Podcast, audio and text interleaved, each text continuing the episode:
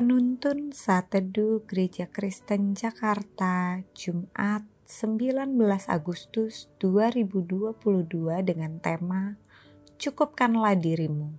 Firman Tuhan terambil dari Lukas 3 ayat 14 dan Ibrani 13 ayat 5 sampai 6 berkata demikian. Dan prajurit-prajurit bertanya juga kepadanya, "Dan kami, apakah yang harus kami perbuat? Jawab Yohanes kepada mereka, "Jangan merampas dan jangan memeras, dan cukupkanlah dirimu dengan gajimu. Janganlah kamu menjadi hamba uang, dan cukupkanlah dirimu dengan apa yang ada padamu, karena Allah telah berfirman, Aku sekali-kali tidak akan membiarkan engkau, dan aku sekali-kali tidak akan meninggalkan engkau." Sebab itu, dengan yakin kita dapat berkata, "Tuhan adalah penolongku, aku tidak akan takut." Apakah yang dapat dilakukan manusia terhadap aku?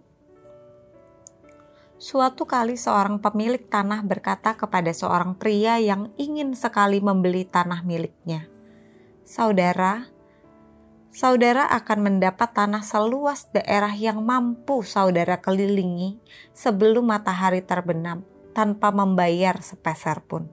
Jika saudara berhasil mengelilingi 40 hektar, saudara mendapat 40 hektar. Jika saudara mampu mengelilingi 50 hektar, saudara mendapatkan 50 hektar.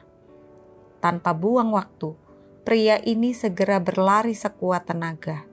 Ia terus berlari dari pagi hingga petang Sampai akhirnya dengan terhuyung-huyung dia berkata kepada pemilik tanah itu, "Saya dapat, saya dapat 500 ribu meter persegi." Namun seketika itu ia roboh dan mati. Perintah untuk mencukupkan diri adalah perintah yang serius.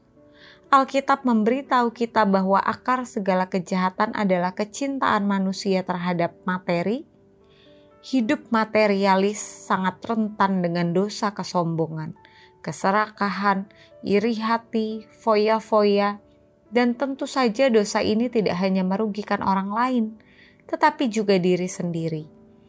Dalam Lukas 3 ayat 14, Yohanes Pembaptis mengingatkan kepada pendengarnya untuk mencukupkan diri dengan gaji yang diterimanya.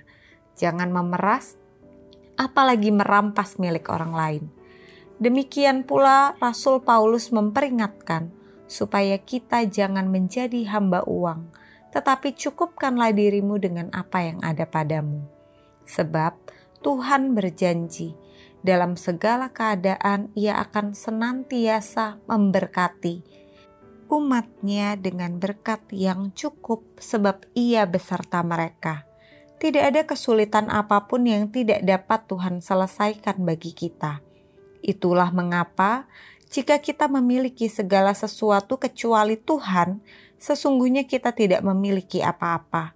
Namun, jika kita dapat menikmati kehadiran Tuhan, sekalipun hanya memiliki sedikit harta benda, kita cukup.